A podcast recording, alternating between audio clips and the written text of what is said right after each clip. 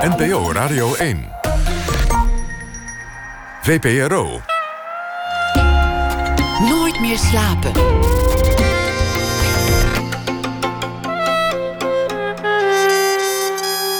Met Pieter van der Wielen. Goedenacht en welkom bij Nooit meer slapen. Terwijl de meeste vliegtuigen al zo lang stilstaan dat je je afvraagt of ze straks nog wel kunnen starten. En het internationaal treinverkeer ook al weken helemaal stilstaat, is er één vrouw die kilometers vreet als nooit tevoren.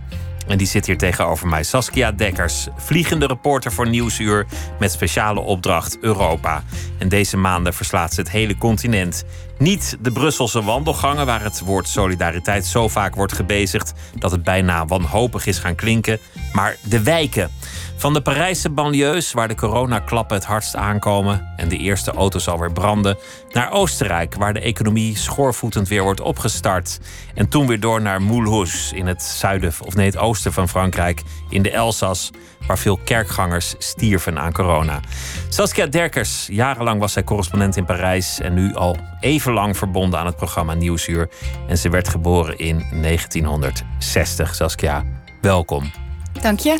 Klinkt meteen heel exotisch als je mij een, een half jaar geleden had gezegd dat je een reportage hebt gemaakt in, uh, in Gent. Of dat je, dat je helemaal in Parijs bent geweest, dan zou ik niet onder de indruk zijn geweest. Totaal niet zelfs. Nee, we hebben ook echt het gevoel dat we aan pionieren zijn. Alsof we een heel nieuw continent aan het bereizen zijn. Alles is anders. We reden de eerste keer over de Nederlandse grens naar België.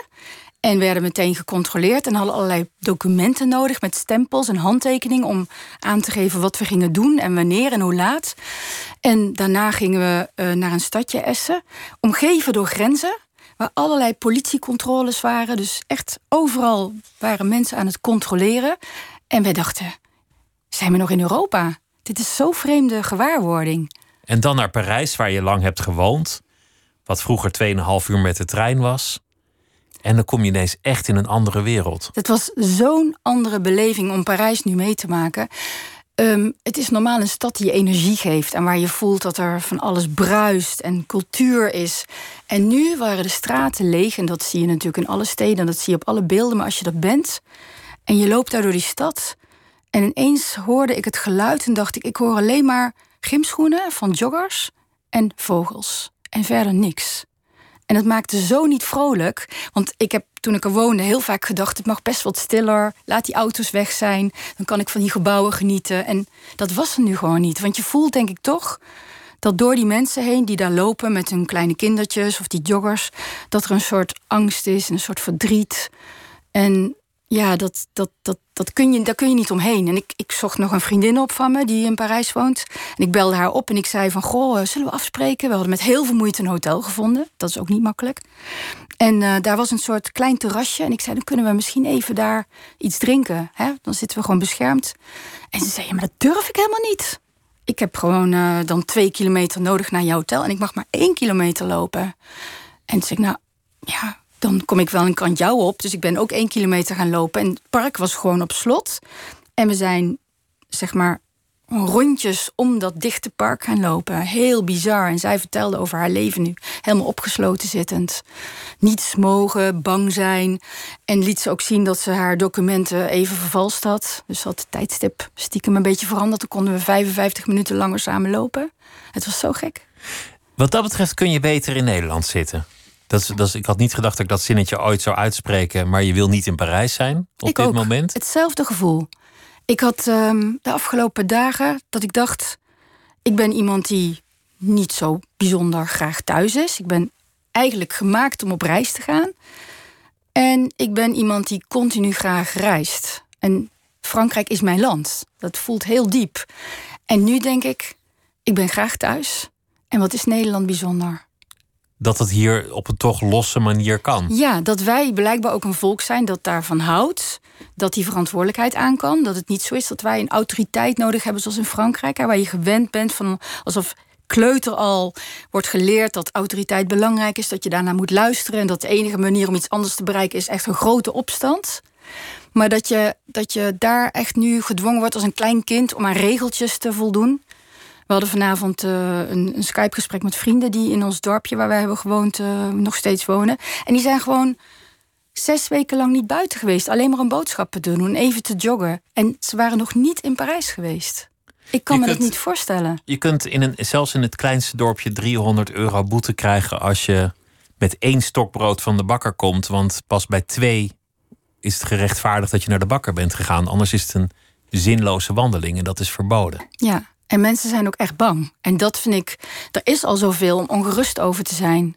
Hè, en bang over te zijn, dat je daar dan ook nog bang voor moet zijn. Voor een boete, een bekeuring, politie. Dat merk ik aan mensen, dat ze dus naast die angst voor die ziekte, die natuurlijk verschrikkelijk is, maar ook nog bang moeten zijn voor de politie, Voor het gezag. voor het gezag. Ergens denk ik dat het de breuklijn is van het protestantisme ver- versus het katholieke. Het gezag of dat iedereen zelf de Bijbel moet lezen. Maar misschien reikt dat wat ver voor dit tijdstip en voor dit programma. Hoe hou je hoe hou je je veilig eigenlijk als je nu reist? Heb je, zijn heb je handgel, mondkapjes? Alles. Ja, we zijn heel voorzichtig. Ja, we hebben echt een hele bak met mondkapjes, met bril, een pak eventueel als het nodig is, met heel veel gel. Al is het ook maar dat we mensen die wij gaan bezoeken niet eh, in gevaar brengen, maar dat we ze ook kunnen aanbieden. Dus dat we zeggen van iedere keer van wilt u dat we mondkapjes opdoen? Al van tevoren als ik met ze bel vraag ik dat ook netjes. Dat we alles laten zien, dat we alles hebben schoongemaakt. Van de microfoon tot en met de camera. Dat ze zien dat al het materiaal wat ze in hun huis binnenbrengen, dat we daar voorzichtig mee omgaan. Je reportages gaan iets verder dan, dan wat we zelf al hadden kunnen bedenken. Parijs is heel bijzonder als het stil is, maar dat was niet de aard van jouw reportage. Je bent naar de banlieue gegaan, een plek waar journalisten sowieso weinig komen. Wat ook lang niet altijd comfortabel of veilig is om daar te komen. En je laat zien hoe de crisis waar we nu al in zitten daar erin hakt. Wat heb je daar allemaal gevonden? Ehm, nou, wat ons opviel, want we zijn vaak in banlieues geweest. En je moet je altijd er even toe zetten om er naartoe te gaan. Maar dit keer dachten we, het is klaarlichte dag en we gaan daar gewoon naar één rotonde, half drie 's middags. En ehm, wat ons opviel was een aantal dingen. De mensen die we spraken vertelden ons bijna allemaal dat ze hun werk kwijt waren. En dat het niet meteen ook zo was dat ze grote honger hadden. Maar sommige mensen vertelden ons echt, we moeten nu minder gaan eten. En er waren mensen die vertelden ons, ehm, ik ben mijn werk nog niet kwijt, maar ik moet iedere dag met het openbaar vervoer en ik ben iedere dag bang. En wij zagen ook die tram, die reed over die rotonde. En het was dus half drie 's middags, niet het begin van een eh, moment dat je moet gaan werken. Maar je zag gewoon dat elk kwartier die tram werd volgestouwd met mensen. En het ook al wilde je of niet, je moest daar gewoon hutje mutje bovenop elkaar staan. En die mensen moeten gewoon gaan werken. Want het zijn ook de vuilnisophalers, de mensen die zeg maar verpleegster zijn, de leraren. Nou ja, wat voor mensen dan ook. Maar mensen die niet de banen hebben waarin ze zich kunnen permitteren om met een auto ergens naartoe te gaan. Die moeten die tram in. Een van die mensen zei: Ik zit 45 minuten elke dag naast iemand in de tram. En dan kijk ik en dan hoop ik maar dat hij het niet heeft. En diegene kijkt ook terug, want die hoopt hetzelfde. Ja, die angst. En dus dat je niet kunt denken, ik heb een andere manier om mijn leven te leiden. Dus dat je op die manier gedwongen wordt om naar je werk te gaan. Het zijn mensen met geen vast contract. Met, met eh, vermoedelijk ook zelfs geen verblijfsstatus in veel gevallen. Dus mensen die op geen enkele manier op voorzieningen aanspraak kunnen maken. Die geen enkele bestaanszekerheid hebben, geen reserves. Dus dit zijn de mensen die als ze de klap vangen, hem heel hard zullen krijgen. En het zijn de mensen die als eerste de klap krijgen. Ja, het is voor een deel het afvalputje. En eh, het zijn de allerarmsten. Het zijn inderdaad, er zitten ook veel mensen bij zonder papieren. Hè, die dus ook eh, illegaal op kamertjes zitten daar. En die zelfs met moeite de dokter kunnen bellen als ze ziek worden. Die dus eh, nu ja, daar toch zijn. Dat hoorde ik van veel mensen. En ik zag ook wel bewegingen dat ik dacht van... dat zou wel eens een huis kunnen zijn waar illegalen zitten. Uh, en het zijn mensen die zeg maar de, de baantjes hebben... waar je heel weinig geld hebt, maar ook heel weinig vastigheid. En die moeilijk bij een bank een bankpadje zelfs kunnen krijgen... om uh, geld van de bank te halen. Dat soort kleine dingen. Je filmde auto's die al in de brand stonden. Reddetjes die er zijn geweest. Maar dat is op zich ja, klinkt cynisch, maar niet zo heel bijzonder. Want er branden wel vaker auto's ja. in de banlieues. Het valt eigenlijk nog mee, zou je kunnen zeggen. Ja, het is uh, nog steeds wel onrustig in sommige wijken. Maar waarom het opviel voor mij was dat je zag dat op die rotonde waar we waren... dat daar dus ook heel veel ME stond. Veel meer dan wij in andere momenten gewend zijn om te zien. Dus dat overal busjes stonden. Het was één rotonde. En dat daar 15 zwaar gewapende ME'ers rondliepen. En ook continu mensen aan het controleren waren. En niet omdat mensen niet anderhalf of een meter van elkaar afstonden. Maar ook laat even je papieren zien, laat je document zien, laat je rijbewijs zien. Dus we hadden het gevoel dat er echt ook een manier werd gevonden om mensen te controleren. Dus niet alleen controleren vanwege de coronamaatregelen, maar ook om, om de om boel rustig te houden. op jongeren te krijgen en de boel rustig te houden. En ik snap ook heel goed dat de regering daar bang voor is. Want op het moment eh, dat je mensen zo moet opsluiten, wat ik net vertelde van de vriendinnen van mij die dan nog mooie appartementen hebben in Parijs of een mooi huis in een dorpje. Maar deze mensen zitten vaak met hele families, heel klein behuisd in een banlieue. Hoe lang kun je mensen opgesloten houden? Dus ik kan me voorstellen dat er echt wel scenario's klaar liggen van stel je voor dat we dat niet meer in de hand hebben. Want het is niet één milieu, het zijn er honderden. En het wordt straks warm. Het wordt warm, mensen willen naar buiten. Mensen hebben niks. De winkels zijn dicht, ze kunnen niks, ze kunnen geen geld verdienen. Al die kleine baantjes, maar ook drugshandel die, die veel moeilijker is. Dat soort dingen. En het was al een kruidvat. Ja, dus ik snap wel dat er veel ME is. Ik snap ook dat er angst is voor opstanden. En ik moet zeggen, het viel mij inderdaad nog mee wat er nu aan de hand is. Dat stelt nog niet heel veel voor. We hadden het over het verschil tussen Frankrijk en Nederland. En dat is ook een cultureel verschil. Hier, hier zou dat vermoedelijk wat, wat gevoeliger liggen om gezag zo te accepteren. Wat voor verschillen zie je nog meer door Europa? Je bedoelt in andere landen in Europa? Ja, want je reist over een relatief klein oppervlak langs al die corona getroffen landen. Er zijn overeenkomsten. Iedereen kiest voor een zekere mate van sociale onthouding. Maar toch zijn er ook grote verschillen. Ja, wij vonden in België bijvoorbeeld ook heel opvallend dat daar de regels ook heel streng zijn. En dat ze het gevoel hadden, wij doen het veel beter dan uh, in Nederland. Maar dat daar eigenlijk iedereen probeerde om die regels heen te gaan. Dus dat we op straat eigenlijk meer mensen dicht bij elkaar uh, zagen staan. Of dat mensen op een manier broodjes aan het inpakken waren. Dat ik dacht van zouden wij dat in Nederland ook zo doen? Dus aan de ene kant hele strenge regels, ook weer die autoriteit. En aan de andere kant daar eigenlijk je niet zoveel van aantrekken. Dat is een heel opvallend verschil, vond ik. Dat is de Belgische variatie de dan Belgische weer. variatie. De Oostenrijkse moeten we nog gaan ontdekken. Maar wat we nu al merken is dat het heel streng is daar. Dus uh, bijvoorbeeld, wij zochten nu een hotel. En niemand wilde ons een kamer verhuren. Niemand. We hebben echt via enorme omwegen moeten werken om mensen te vertellen: ja, maar dit is een dienstreis. We komen om te werken. We hebben toestemmingen. We hebben bijvoorbeeld voor Oostenrijk um, vandaag een coronatest moeten afleggen. Want ze zien Nederland als een getroffen land. Ja, ik denk dat elke buitenlander die coronatest moet doen. Je moet dus echt met een bewijs komen dat je geen corona hebt. En op het moment dat jij Oostenrijk binnenkomt, heb je precies vier dagen dat die test geldig is. Dus wij kunnen vier dagen met die test door Oostenrijk reizen. Meer niet. En dan moet je of weg zijn of een nieuwe test afleggen. Ja, maar dat is natuurlijk heel moeilijk. Want dat moet ik dan in Oostenrijk gaan doen. Dus wij hebben vandaag netjes die test gedaan. Maar op het moment dat ik die test doe, gaat de klok al lopen.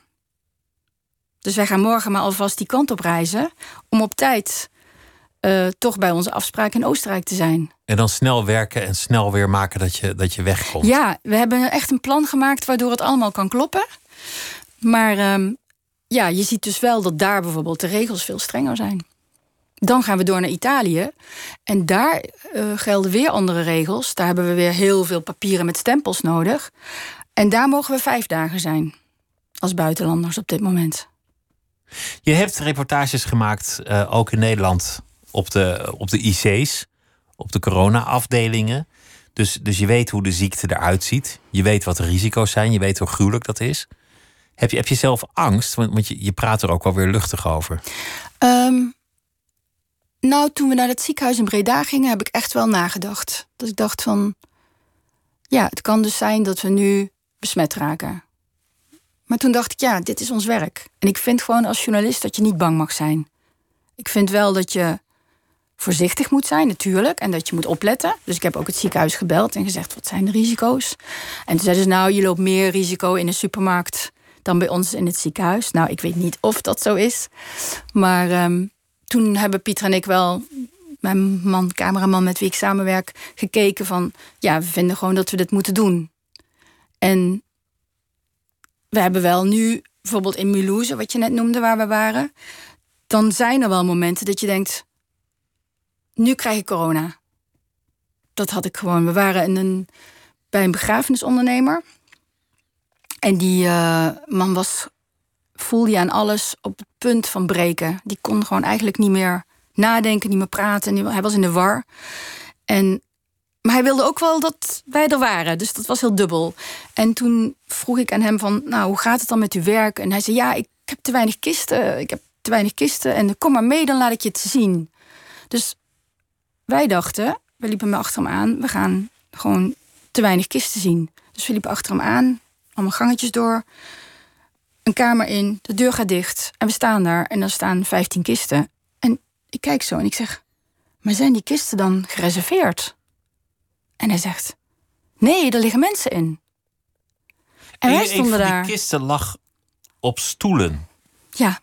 Terwijl, terwijl normaal zet je dat natuurlijk netjes op een soort tafel. En, en je zag echt van, oh ja, hier twee stoelen, dan kan ik daar ook weer een kist neerzetten. Is gewoon ruimtegebrek. En hij wist ook niet meer hoe hij moest doen. De helft van zijn personeel was ziek geworden. En hij zei: Het enige wat ik probeer te doen is niet na te denken, want anders ga ik breken. En toen ik even doorvroeg, zei hij: Ja, ik ben ook wel één avond naar mijn kantoortje gegaan en toen heb ik heel erg gehuild. Omdat hij gewoon eigenlijk niet tot zich door wilde laten dringen wat er aan de hand was, want hij kende die mensen ook vaak. Het was allemaal uit zijn buurtje. Maar dan sta je in, in een kamer met 12, 13 lijken, weliswaar in een kist, allemaal gestorven aan corona. Ik weet eigenlijk niet hoe lang een lijk nog. Dat ging wel door me heen. Dat gek genoeg ga je dat ook even nog denken voordat je aan je interview begint. Dat je denkt, hoe lang is een lijk eigenlijk nog besmet? Besmettelijk. Dat wist ik gewoon niet. Ik wist wel dat dit mensen waren die net waren overleden. Ze hoesten niet meer, ze niezen niet meer. Dat, dat, dat is maar wij hadden geen mondkapjes op op dat moment. Dus we, voelden ons gewoon naakt staan daar. Dat is, dat is het aspect van de ziekte. Maar de volgende crisis die komt eraan. Macron noemde het een oorlogstijd. Die noemde het woord oorlog in zijn, in zijn toespraak ettelijke malen. En waarin het op oorlog lijkt, is, is een gevoel van saamhorigheid. dat heel even als een soort roes door, door Europa is gewaard. We komen hier samen uit en we steunen elkaar. Allemaal dat soort termen en woorden. En de angst is natuurlijk dat die samenhorigheid zal verdwijnen zodra de crisis ook economisch er echt inhakt. En dat staat nu te gebeuren. Dat is nu interessant. Als je naar Italië gaat, dan is dat waarschijnlijk het verhaal waar je naar op zoek gaat. Zeker. Ja, ook omdat dat natuurlijk de laatste weken al de grote discussie is van hoe solidair zullen wij zijn in de eurozone. we hebben gezien in 2010 met de eurocrisis dat dat heel moeilijk was om bijvoorbeeld een land als Griekenland of Spanje te steunen. Om garant te staan voor hun leningen of om leningen te geven. En nu zullen we krijgen dat de situatie met de landen die eigenlijk al wankel zijn, zoals Spanje en Italië, dat die eigenlijk verwachten dat er een solidariteit komt. Dus dat we niet alleen miljarden nu helpen hè, om de medische zorg op orde te krijgen, wat al een heel probleem is om samen over eens te, eens te worden. Maar ook hoe gaat het daarna? Waar gaan we helpen? Kunnen, komen er bijvoorbeeld eurobonds, hè, gezamenlijke staatsleningen, waar wij ook aan deelnemen, maar waardoor de rente misschien voor ons ongunstiger wordt. Om, we komen in een ingewikkelde situatie terecht. Gaat iedereen, Gaat voor, iedereen voor zichzelf kiezen? Of, of gaan we proberen om, om elkaar te helpen in deze crisis? Ja, ik denk wat je ziet, dat ik vertelde over het huis, waar je als enige plek ziet waar je veilig bent. Denk ik dat ik zie dat mensen nu ook heel erg in hun eigen wereld terugkruipen. Dus ook in Nederland of in Frankrijk heel erg weer terugkruipen in hun eigen nationalistische gevoel. Wat het dan ook precies is, maar dat is wat ik herken. Wat ik nu in die paar landen waar ik gereisd heb, dat mensen allemaal het gevoel hebben dat in hun eigen land toch best wel goed gebeurt. En dat ze ehm, niet zo doorhebben of zelfs belangstelling hebben wat, voor wat er in andere landen gebeurt. Laat staan dat ze daarvoor willen betalen. Ja, bijvoorbeeld. Het optreden van Wopke Hoekstra, waar veel over gezegd is, tijdens een eh, online vergadering met andere leiders, dat is denk ik veelzeggend. Dat voorspelt veel over de houding van in ieder geval de noordelijke landen. Die gaan echt niet hun, hun gunstige rente inleveren voor andere landen. En je ziet dat Italië en Spanje daar bijvoorbeeld heel geschokt over zijn. En niet alleen de politici, maar dat het ook tot de bevolking is doorgedrongen. Uh, de media gaan daar natuurlijk heel veel over. Maar wat ik nu hoor, al bellend met mensen die in Italië wonen, is dat ook heel veel mensen nu op een punt staan was al niet zo'n groot enthousiasme over de Europese Unie. Want Italië voelt zich al langer in de steek gelaten, ook door de migratiecrisis. Maar nu, op zo'n moment dat ze daar nog nauwelijks aan rouwverwerking zijn toegekomen, hè, dus dat daar echt zo'n diepe, diepe rouw in het land is van al die tienduizenden doden, waar mensen nauwelijks bij stil hebben kunnen staan. Het gevoel van ons hele land staat stil. Dit gaan we allemaal niet redden. En je gaat het dan hebben over een begroting of over een boekje, over de administratie. Dat is, is voor mensen heel erg hard geweest. Dat is pijnlijk geweest. Dat is hard aangekomen daar. Ja. Dit, dit zijn allemaal dingen waar je eerder reportages over maakte. Je, je hebt in Griekenland bijvoorbeeld over de vluchtelingencrisis uh, verslag gedaan. In Italië. In Griekenland ook over de economische crisis. Die daar nog nauwelijks afgerond is. Je hebt reportages gemaakt over de banlieues in, in Parijs. Waar de islam het langzaam overneemt. En dan ook een, een radicale salafistische variant ervan. Je hebt eigenlijk de, de uitholling van Europa op heel veel manieren gevolgd de laatste jaren. Ja, dat is heel gek, want um, als je zeg maar in Brussel uh, met heel veel mensen spreekt, dan hoor je nog heel erg veel enthousiasme over de Europese Unie. En ik wil zelf ook heel graag daarin geloven, want je ziet ook wel dat het dingen heeft voortgebracht hè, van vrede en welvaart, voorspoed, een soort samen zijn. Maar hoe meer je gaat reizen door de Europese Unie en hoe meer je naar concrete voorbeelden gaat kijken, hoe meer je ziet hoe groot onze verschillen zijn en hoe diep de problemen soms zijn waar in andere landen nauwelijks aandacht voor is. En dat is soms heel moeilijk te communiceren. Dan vooral die migratiecrisis bijvoorbeeld, hoezeer wij Italië en Griekenland daarmee hebben laten zitten, dat is onvoorstelbaar. En dan denk ik soms, loop eens even door zo'n uh, migratiekamp. Ga gewoon eens even kijken. Ik zag ook in een van jouw reportages mensen in, ik geloof Athene, die het licht vaak uit hadden omdat de stroom was afgesloten die, die met olielampen en kaarsen door hun eigen huis aan het schuifelen waren. En dat was rond de tijd dat Jeroen Dijsselbloem die opmerking maakte over drank en vrouwen. Vaak uitgelegd die opmerking, dat had hij allemaal niet zo bedoeld, et cetera. Maar dat is daar niet zo geïnterpreteerd. Maar ik denk niet dat dat een beeld is dat veel mensen hier gezien hebben. Van mensen die echt geen stroom meer hebben. Nee, precies. En dat mensen ook um, het gevoel kregen hier in Nederland van... Griekenland is op de goede weg het gaat allemaal weer de goede kant op. En dat gaat dan om dat het land weer kon lenen op de, markt, kon, lenen kon op de markten. En juist in die tijd gingen wij nog eens kijken van hoe is het nou echt? En zagen we door bijvoorbeeld twee jongens die met een wasmachine door de wijken reden van Athene om al die mensen zonder huis of inderdaad zonder elektriciteit, die konden dan toch een wasje nog even doen. Dat soort kleine voorbeelden, daar zag je pas aan. Dan kwamen mensen echt uit hun holen gekropen, bij wijze van spreken, die zich normaal niet laten zien.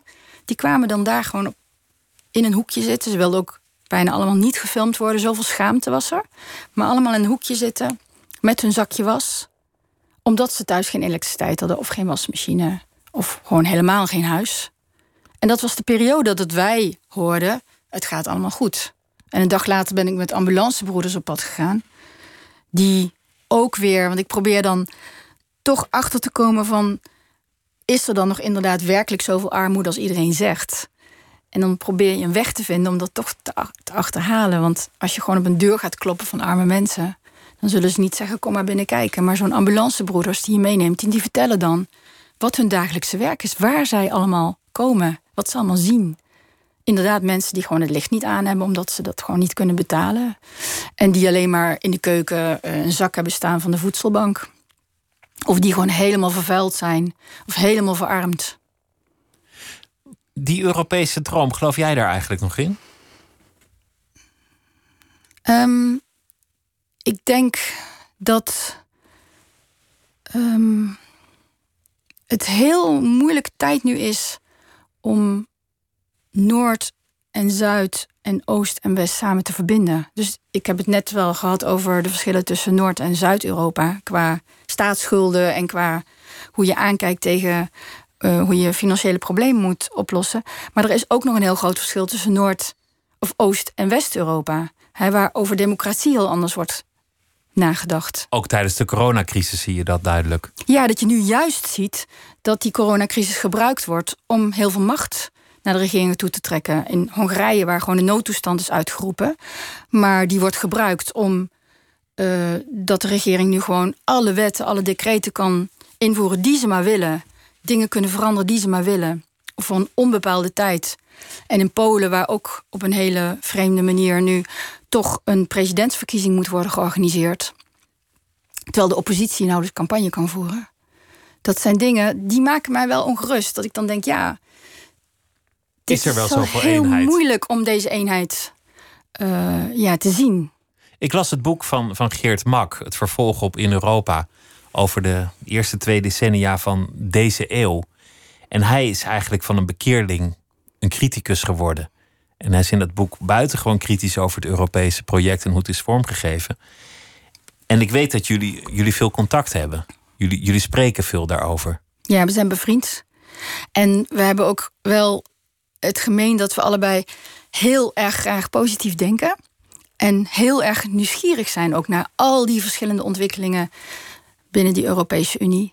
Hij is dan meer iemand die ehm, het denkend doet met denkers. En wij zijn misschien meer de praktijkmensen die overal naartoe gaan en zien hoe de realiteit eruit ziet. Dus dat, daar vinden we elkaar heel vaak in. Om daarover te hebben van hoe kijk jij er tegenaan, hoe kijk jij er tegenaan, wat hebben we meegemaakt. Hij is altijd heel erg geïnteresseerd in onze reizen.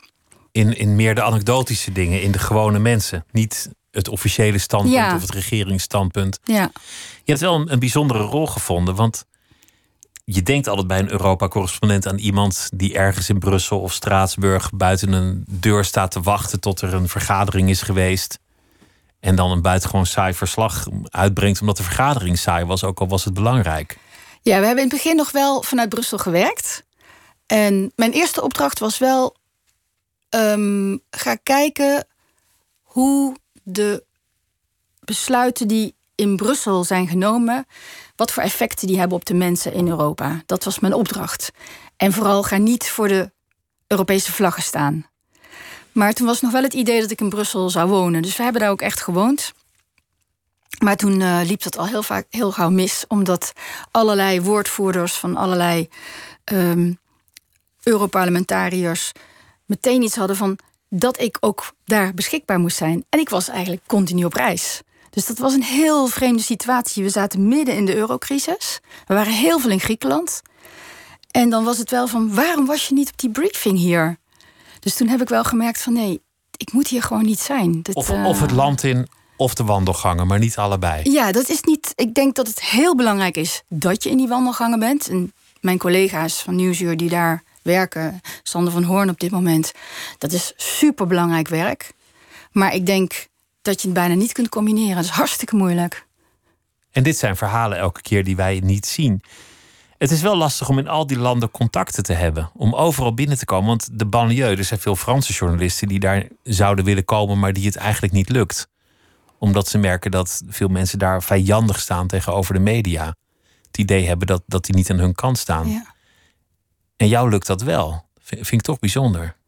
Ik denk dat het te maken heeft met vertrouwen uitstralen. Dat mensen wel voelen dat we echt in ze geïnteresseerd zijn. Dus ehm, je hebt natuurlijk wel soms dat eh, zeker televisiejournalisten op het eind van een reportage denken: oh, we moeten nog gauw even een foxpopje opnemen. Hè, dat je nog gauw even met mensen op straat praat. Maar voor ons is dat juist een van de. En dan vaak vanuit een, een nog net niet rijdende auto. Dat je de camera uit het raam hangt. Oh ja, die beelden zijn er ook heel veel van de banlieues.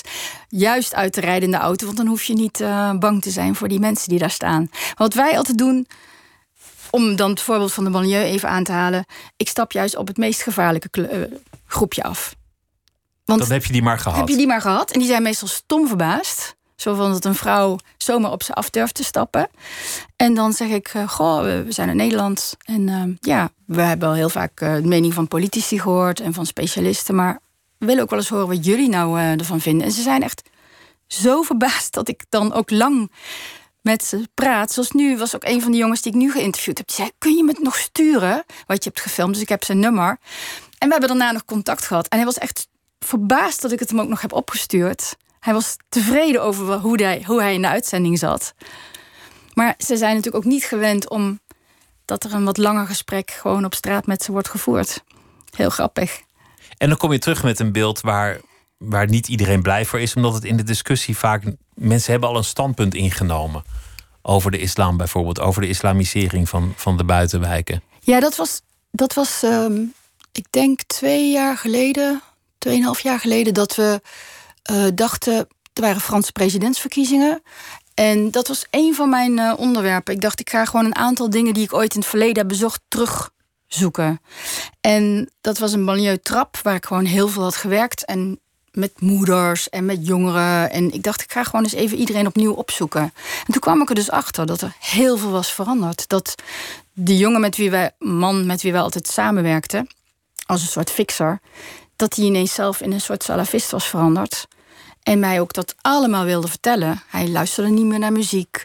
Hij was, zag er totaal anders uit. Hij had allemaal hele strenge regels. Hij had zijn baan opgezegd omdat daar ook weer iets met muziek in zat. Dus we zagen gewoon ook hoe dat met hem was veranderd. Maar we zagen ook hoe dat in de wijk helemaal was veranderd. Dat vrouwen ineens niet meer zonder hoofddoek op straat konden lopen. Ik had een aantal moeders dus een paar jaar daarvoor gesproken nog. En die hadden nu ineens allemaal, in die tijd dat ik ze interviewde, dus de jaren daarvoor, hadden ze allemaal nog korte hemdjes aan en hippe rokjes. En ineens waren ze helemaal bedekt. En ze wilden niet meer met me praten. Er was nog eentje die met moeite met mij heeft gepraat. En daarna ook heel veel problemen heeft gekregen. Met de dood is bedreigd, omdat ze met mij heeft gepraat. Dus dat waren dingen waar ik wel heel erg van schrok. Dat langzaamaan allerlei sociale structuren worden overgenomen door, door een religie, door de islam. Ja, en dat, dat die dingen ook helemaal in elkaar gaan grijpen. Dus dat je ziet dat um, aan de ene kant zijn er natuurlijk economische problemen, maar dat je nu ziet dat het een hele aparte wereld aan, aan het ontstaan is, waar Fransen, en dan zeg ik even de zaakjes Fransen, maar waar mensen dan van buitenaf geen toegang meer tot hebben. En ook geen idee hebben wat zich daarmee afspeelt. En dat het ook heel moeilijk is om het te bekritiseren. Want er is dan wel een discussie gaande in Frankrijk. Maar je wordt ook heel gauw dan voor islamofoob uitgemaakt als je daar kritisch over bent. Maar waar langzaamaan het Franse gezag niet meer geldt. De Franse staat niet meer veel. Nee. Ik weet dat mijn uh, reportage is. Um, een minister van, ik dacht, Sociale Zaken heeft mijn reportage opgevraagd. En heeft hem uh, een paar keer willen zien. Dat vond ik wel heel opvallend om te horen. Want ik dacht, moet dat nou van een Nederlandse journalist? Vond ik opvallend. En ook uh, twee journalisten van Le Monde zijn bij me geweest. En hebben gezegd, hoe heb je dat gedaan? Hoe, hoe ben je daar binnengekomen? En die hebben daarna een veel groter, heel belangrijk onderzoek gedaan. En kwamen eigenlijk wel tot dezelfde conclusie. Frankrijk is, is jou een dierbaar land, dat zei je net al. En Parijs is, is je, je favoriete stad, denk ik. Ja, een belangrijke stad in mijn leven gewoon. Maar je, Saskia Dekker zit tegenover mij, voor wie net inschakelt. Je, je groeide op in de buurt van Roermond, in, in een stadje Hoorn. Heel klein dorpje. Een dorpje is geen stadsrecht, ook niet in, in 860 nee, nee, of wat nee, dan ook. Nee, nee, het is een heel klein dorpje tegen Roermond aan ligt. Vlakbij, uh, help me even, Itteren en, en München. Nee, want dan, dan zit je meer bij Torren, het witte stadje, denk ik. Maar Horn, nou, zo onbekend is het, is een heel klein dorpje. Ik denk een paar duizend inwoners. En twee kilometer van. Um, toen wij er kwamen wonen. Ja, het heeft een kasteel. Het heeft een kerk. In mijn tijd was er een Maria-school voor de meisjes. En de Jozefschool voor de jongens. Dus jij zat bij de nonnen? Ik zat bij de nonnen, ja. En het was verder een vrij gesloten gemeenschap. Een uh, beetje. Een boerendeel zat er in het dorp en een deel van mensen die werkten in Roermond. Maar het was een, een wereld die heel erg stil had gestaan. En ook toen wij er woonden, stil stond, voor mijn gevoel. Dat vond je toen al? Ja, dat vond ik toen heel erg. Vonden die ouders dat ook? Ja, want zij waren er naartoe gekomen. Ze woonden in Den Haag. Daar ben ik ook geboren. En ze waren heel jong. Ze waren, toen ik geboren werd, 21, 23. En ze hadden een soort idealisme. Van onze kinderen moeten een ja, mooie, mooi leven gaan krijgen. Dus ze stelde zich iets voor van kinderen spelend in hooibergen. Die foto's heeft mijn vader ook echt gemaakt van ons. Dat idee, zo zijn ze naar Limburg gegaan. En ze kwamen dus in dat dorpje, mijn vader vond er werk. En ze wisten gewoon niet wat hen overkwam, want ze hadden het gevoel dat ze met niemand contact konden krijgen. Mensen spraken een dialect, spraken niet, nee, in die tijd nog geen echt Nederlands. Vaak niet met hun, wilden ook niet echt communiceren. Het was een hele aparte wereld waar wij toen buitenlanders waren. Want jou, jouw moeder was kunstenares en je vader leraar. Ja, mijn moeder was in die tijd nog aan het zoeken naar haar kunst. Maar ze is daar wel zich helemaal gaan ontwikkelen. Maar, uh, en mijn vader was leraar, ja. En jullie voelden je niet thuis. Dat, dat gevoel van je niet thuis voelen, ergens wonen waar je niet hoort.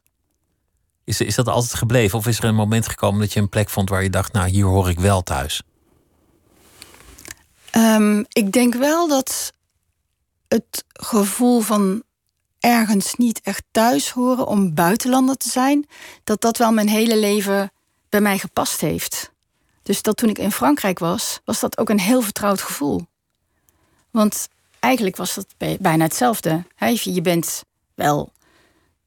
Uh, misschien probeer je de eerste jaren probeerde ik wel Parisienne te zijn, maar je blijft toch een Nederlander. Dus dat gevoel van um, ontheemding misschien, of in ieder geval dat je het gevoel hebt van ik woon hier, maar ik kan net zo goed heel ergens anders wonen, want ik hoor hier niet. Dat is voor mij een heel vertrouwd gevoel. En zelfs nu in Nederland herkende ik dat ook weer. Want als iemand zegt je moet nu naar, weet ik veel, een, een andere plek, dan, dan, dan ga jij. Ja. Als het een beetje een leuke plek Ik denk dat ik gewoon bij wijze van spreken los ben van iets vastigs.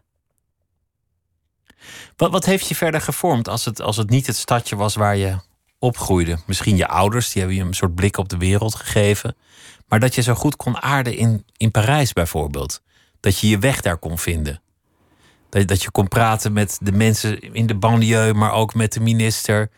Dat, dat je ineens een, een culturele reportage kon maken, maar ook een sportman kon interviewen. Hoe, hoe kon het dat je je zo makkelijk kon bewegen tussen mensen? Ik denk dat ik uh, altijd heel nieuwsgierig ben geweest naar mensen. En ik denk ook dat mensen voor mij heel erg gelijk zijn. Het maakt niet uit wie iemand is, in beginsel. Dus ik kan niet tegen, tegen iemand opkijken, maar ik kijk ook niet tegen op iemand neer. En het maakt mij ook niet uit waar iemand vandaan komt. Dat is op een of andere manier speelt het voor mij gewoon geen rol. Iedereen staat op gelijke hoogte. Ja, begint bij mij op gelijke hoogte. Dat is het. En misschien voelen mensen dat wel. Dus dat voelt ook een minister aan mij. Dat ik gewoon totaal niet. Uh, kan me dat niet druk over maken dat er een minister tegenover me zit. En uh, dat, creëert misschien iets tussen mij en mensen. Voor journalisten goede gewoonte om niet te veel statusgevoelig te zijn. Ja, het is want, handig. Want je moet naar die minister toe kunnen gaan en zeggen: Goh, heb je dit niet verprutst? Ja, ik denk dat het ook handig is, maar het is ook, denk ik, de meest eerlijke manier van werken, toch? Je, je, je was al veel in Parijs voor je de correspondent werd, omdat je toen een geliefde had en dat was een, een diplomaat, een Fransman. Ja. Dus, dus toen werkte je in Hilversum en dan ging je in het weekend ging je daar en dan, bevond je al in, in, in de goede Parijse kring. Dan zo stel ik me dat graag voor. Ja, dat was ook echt zo. Omdat hij in het begin ook al zelfs mij vertelde hoe je aan de dinertafel moest zitten. En hij heeft me wel helemaal in de zeg maar bourgeois klas een beetje ingewerkt. Waar ik me later ook gewoon weer helemaal uitgewerkt heb hoor. Maar ik heb op die manier wel die kant ook van Parijs leren kennen. Tot de lol er vanaf was. Ja, tot de lol er vanaf was. Maar dat was meer om redenen dat hij ineens heel jaloers werd. Dus dat ik dacht van nou, dit is gewoon niet het leven wat ik wilde hebben. Maar eh, nee, we hebben wel zeven jaar lang een hele lange goede relatie gehad. En vijf jaar lang inderdaad op en neer gereisd. En daardoor heb ik wel um, ja, een kant van Frankrijk leren kennen. Dat je heel erg van binnenuit ziet hoe mensen denken en leven en voelen. Met alle regels die daarbij horen. Dus dat, dat is natuurlijk wel een hele fijne manier om een land te leren kennen. Een heerlijk land, een heerlijke stad, maar vooral ook een heerlijk land om, om journalist te zijn, om verslag te doen. Ja, het is. Um, alles was daar mogelijk. Dus je kon van cultuur naar politiek, naar economie, overstappen naar een onderwerp over visserij. En een dag later uh, was er inderdaad uh, onrust in de banlieues. Dus het was nooit zo dat wat je in sommige landen hebt, dat je heel vaak hetzelfde soort onderwerp tegenkomt. Ik heb soms wel eens medelijden met Tim de Wit in uh, Groot-Brittannië, die zo lang achter elkaar echt Brexit heeft moeten doen. Nou, in Frankrijk heb je echt elke week andere soort verhalen. Dus dat maakt het een heel, heel fijn land. Ik, ik begon, maar ik wist mezelf te herroepen aan een soort cultuurhistorisch exposé over protestantisme versus katholicisme. Maar in Frankrijk zie je toch nog wel één effect van het katholicisme, namelijk de mannetjes. Noem het de pausen of de priesters, maar ook de ministers, ook de presidenten. Die hebben allemaal een beetje keizerlijke manieren. waar je in Nederland niet mee weg zou komen. Maar dat maakt het ook mooi, barok. Dat maakt het ook leuk om daar verslag van te doen. Want jij, jij hebt heel Sarkozy meegemaakt, bijvoorbeeld. Ja. Dominique Strauss-Kaan, dat heb je meegemaakt. Die, die, nou ja, in vlammen opging door zijn seksschandalen. Ja. En als het niet dit schandaal was geweest, dan waren er nog twintig andere geweest. Ja, en van Dominique Strauss-Kaan, dat uh, hebben we echt van tevoren zelfs zien aankomen. Het was echt een uh, hele vreemde situatie dat ik op een persconferentie. Hij was toen nog staatssecretaris van Economische Zaken. Het was een persconferentie zouden komen. En ik zat met mijn Franse cameraploeg te wachten in een zijzaaltje. En ze waren de microfoons aan het testen. En ineens gaat hij in een bijzaaltje achter de microfoon zitten, denkend dat hij helemaal alleen is. En hij begint te bellen. En we horen me denken: hè? Hij is een vriendin aan het bellen, want hij begint af te spreken eten en het hotel daarna, de nacht. En het was Cherie en het was echt absoluut niet met zijn vrouw. Het was een andere naam, we wisten, want hij was die tijd met een uh, hele bekende Franse presentatrice. En we waren echt best wel geschokt dat we dat allemaal meekregen. En daarna gingen we weer bellen en dachten, oh, nou gaat hij zijn vrouw bellen. Dus wij zaten helemaal op scherp. En toen uh, ging hij zijn tweede maîtresse bellen. Dus weer een afspraak voor de volgende dag. Openlijk hoorbaar Met... voor alle journalisten. Ja, voor ons kleine clubje. En toen dachten we wel, dit is een man die is chantabel. Dit kan niet anders. Dat als wij dit hè, toevallig op een namiddag horen door een microfoon, dan zullen heel veel mensen dit weten. En wat betekent dat? Hoe goede minister hij ook is en wat zijn capaciteiten misschien ooit zullen worden als hij. Want toen was al duidelijk dat hij echt wel kwaliteiten ook voor een president zou kunnen hebben. Maar toen heb ik altijd gedacht: dit kan heel gevaarlijk zijn, want dit zullen zoveel mensen van hem weten. Dat maakt hem chantabel. En toen werd ja. hij geen president, toen werd dat de oerzaaie Hollande, die uiteindelijk ook vermomd met een brommerhelmpje door Parijs uh, zwierde om bij zijn minnares langs te gaan. Het is ook een beetje de Franse man die is om zes uur klaar met werken en komt om negen uur thuis. Ja. Dat hoort er ook een beetje bij. Dat hoort er ook bij. En dat heb ik in het begin uh, van mijn carrière ook heus van meegemaakt. Dat je denkt dat een journalist heel graag met jou wil afspreken, omdat hij uh, geïnteresseerd is in de journalistiek van Nederland of hoe ik mijn reportage ging maken, maar dat het altijd na de lunch was en waar gaan we nu naartoe? En dat ik in het begin nog niet door had, heel naïef, van hè, waar hebben we het over? Ook mensen van het Elysée-paleis hoor. Dan um, na een afspraak van waar gaan we nu naartoe?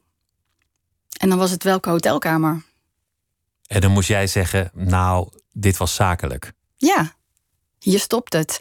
En dan bleven wel een aantal mensen over die ook wel respect voor mij hadden. Dus zo heb ik wel heel lang met een uh, man die dicht bij Chirac was, die bij het Elysée-paleis uh, werkte, uh, contact gehouden. Die had daar wel, vond het toch wel grappig dat ik zo eigenwijs was. Die heeft het een paar keer geprobeerd. Op een gegeven moment wist hij gewoon dat hij wel kon blijven zeuren, maar dat het helemaal geen zin had.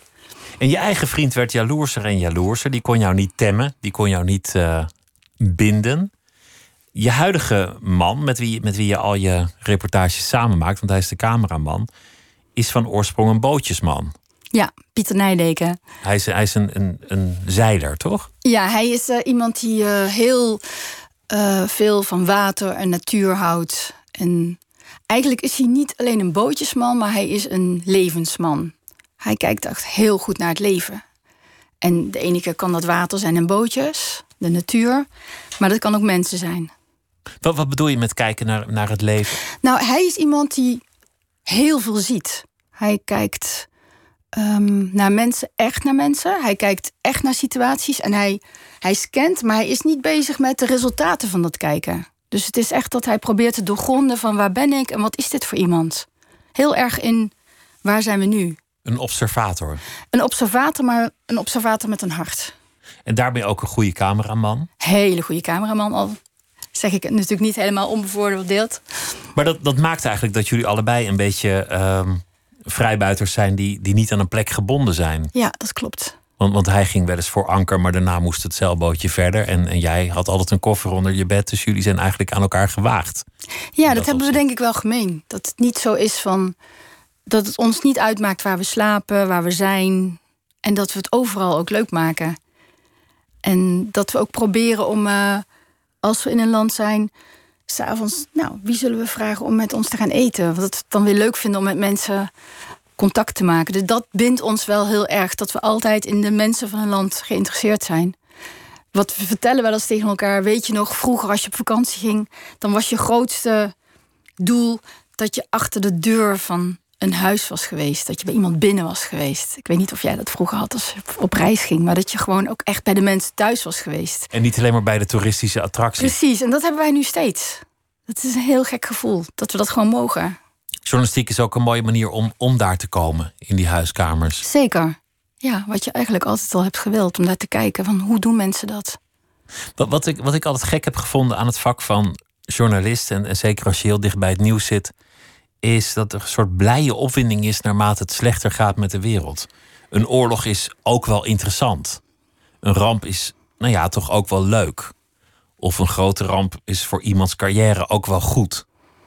En die, en die gewoonte hebben verslaggevers volgens mij altijd nodig gehad om het vol te houden. Om, om niet de afgrond in te kijken.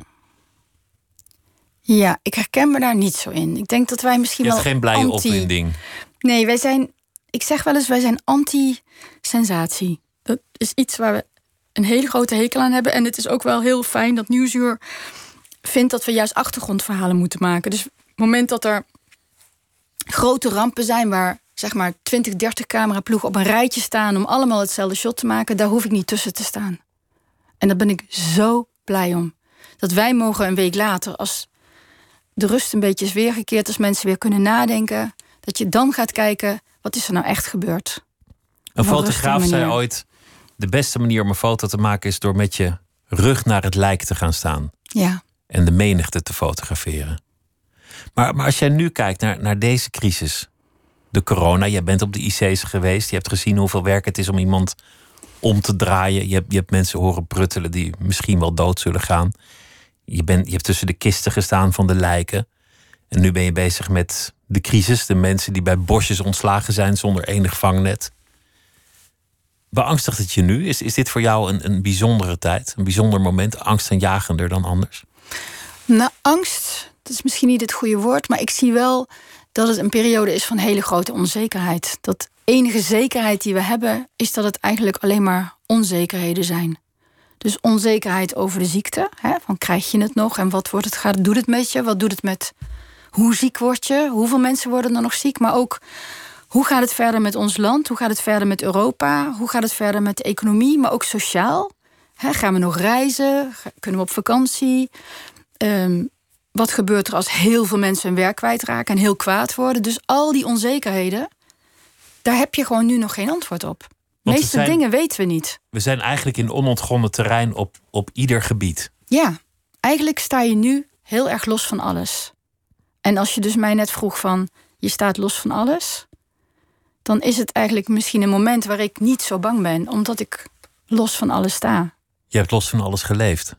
Ik leef los van alles, ja.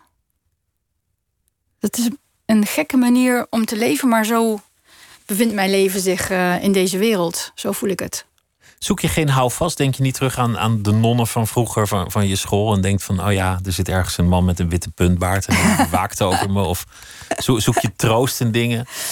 Ehm, nou, troost zoek ik meer in het ehm, hier en in het nu. Dat ik dus zeg maar met vrienden ben en ik kan ook heel erg makkelijk mijn werk uit mijn handen laten vallen. Dus dan, eh, zoals nu, wonen we op het water en dan komen gewoon mensen even langs. En dan zitten we heel netjes wel ver van elkaar, maar dan hebben we een kampvuur en zijn we samen. En dan, ja, dan heb ik het gewoon heel erg goed. Dus dat is niet. En dan heb ik het bijna ook niet over mijn werk. Dus dan even helemaal weg. En de wereld is dan toch ook een beetje je werk. Het nieuws. Want, want, want iedereen. Ik loop veel door de stad en dan hoor ik overal flarden van gesprekken op anderhalve meter. En overal hoor je wel het woord corona, Mhm. het woord economie, het, het woord maatregelen. Ja, Het zoomt zo. ja maar dan, dan is het toch meer een soort privégesprek wat je met mensen hebt over hoe hun leven aan het veranderen is. En dan is dat voor mij niet werken. Dan heb ik het over vrienden, hoe het hun leven heeft veranderd, wat er met ze gebeurd is. En dan kan ik, zoals morgen, wel naar Oostenrijk vertrekken en daar weer een heel ander verhaal maken. Dan raken die dingen elkaar niet meteen. Het is niet zo dat ik dan daar moet gaan vertellen over wat wij in Oostenrijk gaan doen. Dat raakt elkaar dan niet voor mij. Er zit bij jou een soort levenslust in, in jouw nieuwsgierigheid om overal verslag van te doen. Wat, wat bijna haak staat op nieuws. Dat, het gekke aan nieuws is dat, dat ik, ik, werkte ooit lang geleden bij de NOS en dan maakten ze aan het eind van het jaar zo'n jaaroverzicht. Dat vond ik altijd prachtig. En, en dan zeiden ze het ene jaar, het was een rampjaar, het was een vreselijk jaar. Want 9-11. En dan zeiden ze het jaar daarna, ja, het was een verschrikkelijk jaar, want Pim Fortuyn vermoord. En het jaar daarna zeiden ze, ach, wat een, wat een gruwelijk jaar was dit, want de Irak-oorlog. Tot ik op een gegeven moment dacht, ja, op die manier is elk jaar natuurlijk een, een, een vreselijk jaar. Als je zo gaat leven, dan wordt het nooit wat. Maar die somberheid hoort bij het maken van nieuws. Ja, maar ik denk dat dat ook wel iets eigens is van Nieuwsuur. Dat omdat we niet, zeg maar, vooraan... We hebben natuurlijk wel dat we verslag doen van het nieuws. Maar juist omdat je ook die rust neemt om naar de achtergronden te kijken... dan krijg je ook niet dat haastige, dat gejaagde, dat sensationele. Daar proberen wij denk ik wel heel ver van af te blijven. Maar meer te onderzoeken, wat is er nu in de hand? De onderstromen. De onderstromen. En dat dat heel typerend is voor ons programma, dat er rust en eerlijkheid in zit. Laten we vooruitkijken, want je, want je gaat nog naar Oostenrijk, waar, waar ze de boel proberen open te gooien inmiddels. Waar ze op allerlei manieren bezig zijn om die economie weer aan te jagen. In Italië, waar de ergste crisis is geweest, zullen ze toch ook weer verder moeten. Heel langzaamaan gaan daar weer bedrijven aan de slag, winkels open. In België zijn ze de maatregelen iets aan het versoepelen. Daar mogen mensen wel weer naar de winkels, maar niet naar hun uh, vrienden. Dat zegt toch ook wel iets over een samenleving dat de winkel boven je vrienden gaat. Ja. Maar goed, oké, okay, zal wel. Maar, maar die reportages die je nu gaat maken in Italië, dan, dan heb je vast erin verdiept. Hoe, hoe gaat zoiets? Hoe zwengel je in, in hemelsnaam een economie weer aan? Ja, dat zal een heel erg groot ding worden. Kijk, er komt natuurlijk geld, uh, steun. Er is wel een steunfonds van de Europese Unie. Dus er, zal, er zullen echt miljarden richting Italië gaan. En dat mogen ze gebruiken, vooral rondom de medische zorg. Maar dan krijg je inderdaad, hoe zwengel je een economie aan? Hoe gaat een bedrijf, een, wij zijn van plan om naar een schoenenfabriek te gaan. Dat zijn dan hele kleine industrietjes, familiebedrijven. Daar heeft Italië er nog zoveel van. En die komen nu in hun gebouw weer terug. En alles moet opnieuw worden opgestart. En de administratie stil blijven liggen. En de zendingen zijn niet binnen. En de mode is alweer eigenlijk met seizoen winter bezig. Terwijl zij nog op zomer zijn stil gaan staan. Op alle fronten zal het moeilijk worden. De banken kunnen misschien geen geld lenen. Er zijn misschien nog schulden. Dus al die dingen, praktisch gezien. Ik hoop eigenlijk dat ik met uh, mensen dat kan gaan bekijken. Dat je het probeert te begrijpen van hoe moet dit in godsnaam? En daarnaast zullen we ook wel met economen en met onderzoekers gaan spreken. Maar ik hoop eigenlijk ook van door gewoon door zo'n klein schoenenfabriekje te lopen, dat ik het zelf ook begrijp van hoe moet deze man dit fabriekje nog over, overeind houden? Kan dat überhaupt nog? Je komt terug in dat fabriekje met een huurachterstand. Alles is blijven liggen die schoenen die zijn misschien wel onverkoopbaar, want, want we zijn twee seizoenen verder of, of één seizoen verder. De vraag is ook gekelderd, want de schoenen zijn niet erg versleten in de afgelopen maanden. Mensen zijn onzeker over hun geld. Nou ja, ga maar door. Ja. En dan, dan heb je wat geld van de Europese Unie in je, in je zakken en dan. En dan? En dan? Want dit is dan maar één klein fabriekje. En er zijn er dus tien, honderdduizenden van. Dus dat zal gewoon door het hele land zo'n groot probleem worden. En hoe zullen mensen naar die Europese Unie gaan kijken? Dat zijn allemaal vragen die ik ook van ze wil horen. Van, heb je daar nog vertrouwen in? Hoe denk je dat we samen hier iets van kunnen gaan maken in de Europese Unie? Want jullie staan niet alleen. Overal in Europa zullen economische problemen zijn. Maar wat zal de rol van Italië zelf worden? hebben jullie zelf ook een aandeel in de toekomst? Van hoe zie je dat voor je? Dus ik probeer dat denk ik wel op alle fronten te doorgronden. Het denken zal vooral moeten opstarten. Nieuwe ideeën zullen nodig zijn. Over hoe je een land, hoe je kapitalisme gaat vormgeven. Ja, en waar zul je de armoede gaan zien? Want dat zal denk ik ook een heel groot ding zijn. En, en hoe kan een land daarop reageren? Al die mensen die hun werk zijn kwijtgeraakt. Hè, denk aan Spanje, wat net een beetje overeind aan het krabbelen was. Maar waar heel veel mensen die ik ken allemaal nog losse contracten hebben. En ik sprak iemand en die vertelde: Ik ken zeven mensen die deze week aan mij verteld hebben dat ze allemaal hun werk zijn kwijtgeraakt. Dat zijn van die tekenen dat je denkt, het wordt gewoon wel erg. En de ongelijkheid zal groeien. Ja. De ongelijkheid tussen Noord en Zuid, maar ook de ongelijkheid binnen landen. Tussen het centrum van Parijs en de buitenwijken van Parijs, bijvoorbeeld. Ja, ja. Dat, dat, dat zal heel groot worden. En, en de vraag is ook van, worden dat... Het woord solidariteit waarmee jij begon, hoe groot zal dat zijn? Want wat je ziet is dat als mensen het moeilijk hebben... dan worden ze misschien ook wel egoïstischer. Dus of dat nou gaat om privé situaties, maar ook misschien qua landen dat je toch meer voor jezelf gaat vechten. Wat we nu ook al zien, dat in een tijd van een crisis... Hè, je gaat in je eigen huis zitten, in je eigen land... en je wil eigenlijk bijna niet naar die andere landen kijken... of daarin meeleven. Ik denk niet dat dat nou zou gaan verbeteren. We gaan onze wereld verkleinen. Zoals we dat de laatste maanden gedwongen hebben gedaan... zullen we dat de komende jaren uit onszelf doen. Ja, zelfs symbolisch, want wie gaat er nu in een vliegtuig zitten? Dat zal ook minder zijn. Hoe ga jij naar Italië eigenlijk? Met de auto. Ja, ik heb wel gedacht dat ik nog niet heel erg graag opgesloten wil zitten in een vliegtuig een paar uur lang. Als het moet, dan moet het. Maar we gaan met de auto. Er vliegt ook bijna niks op dit moment. Nee, maar ik denk als je een beetje moeite doit, dan vind je heus wel wat. Net zoals dat we dat met die hotels hebben. Maar uh, ons doel is wel met de auto. Dus de auto die uh, pakken we gewoon morgenochtend in en dan rijden we naar Oostenrijk. Naar de grens. Ik wens je heel veel uh, succes met al je reizen, avonturen, verslag en ondernemingen. En dank je wel dat je langs wilde komen. Saskia Dekkers, dank je wel. Dank je wel. En zometeen op NPO Radio 1 uh, kunt u luisteren naar uh, Miss Podcast. En daarin is uh, Albert-Jan van Rees te gast. En morgen dan is filmmaker Catharine van Kampen te gast bij Nooit meer slapen. En ik wens u allemaal een hele goede nacht.